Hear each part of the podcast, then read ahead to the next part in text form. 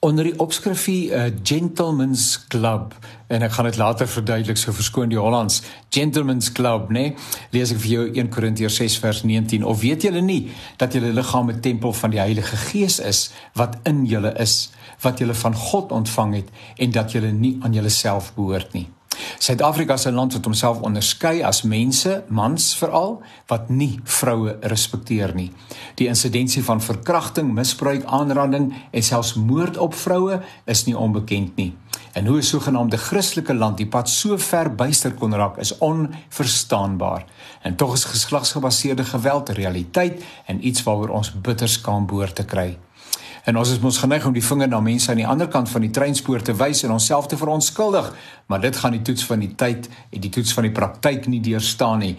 Die onverkwikkelike misbruik van vroue vind onder alle mense en groeperinge plaas. Mans uit die aard van die saak moet bykom wat hierdie saak betref. Vroue is net soos manne beelddraers van die lewende God.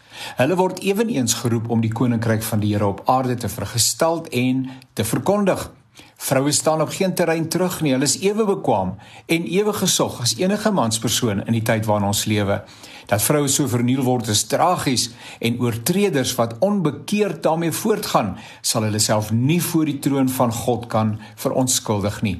Vroue speel 'n belangrike rol in die Bybel. Trouwens, 'n vrou het aan die verlosser van die wêreld geboorte geskenk.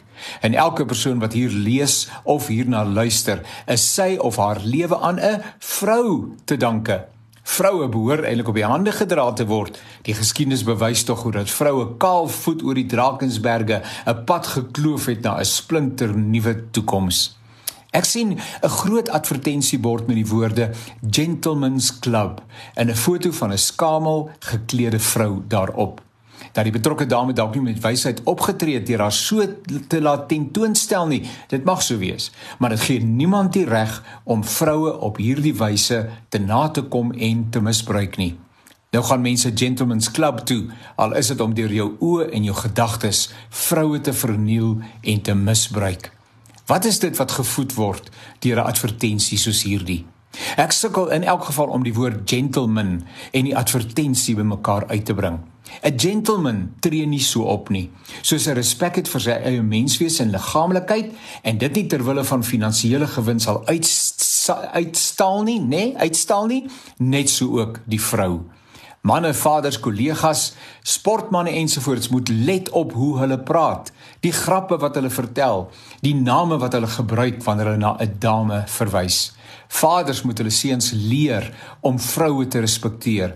Seuns moet teenoor vroue optree soos hulle pa teenoor hulle ma optree.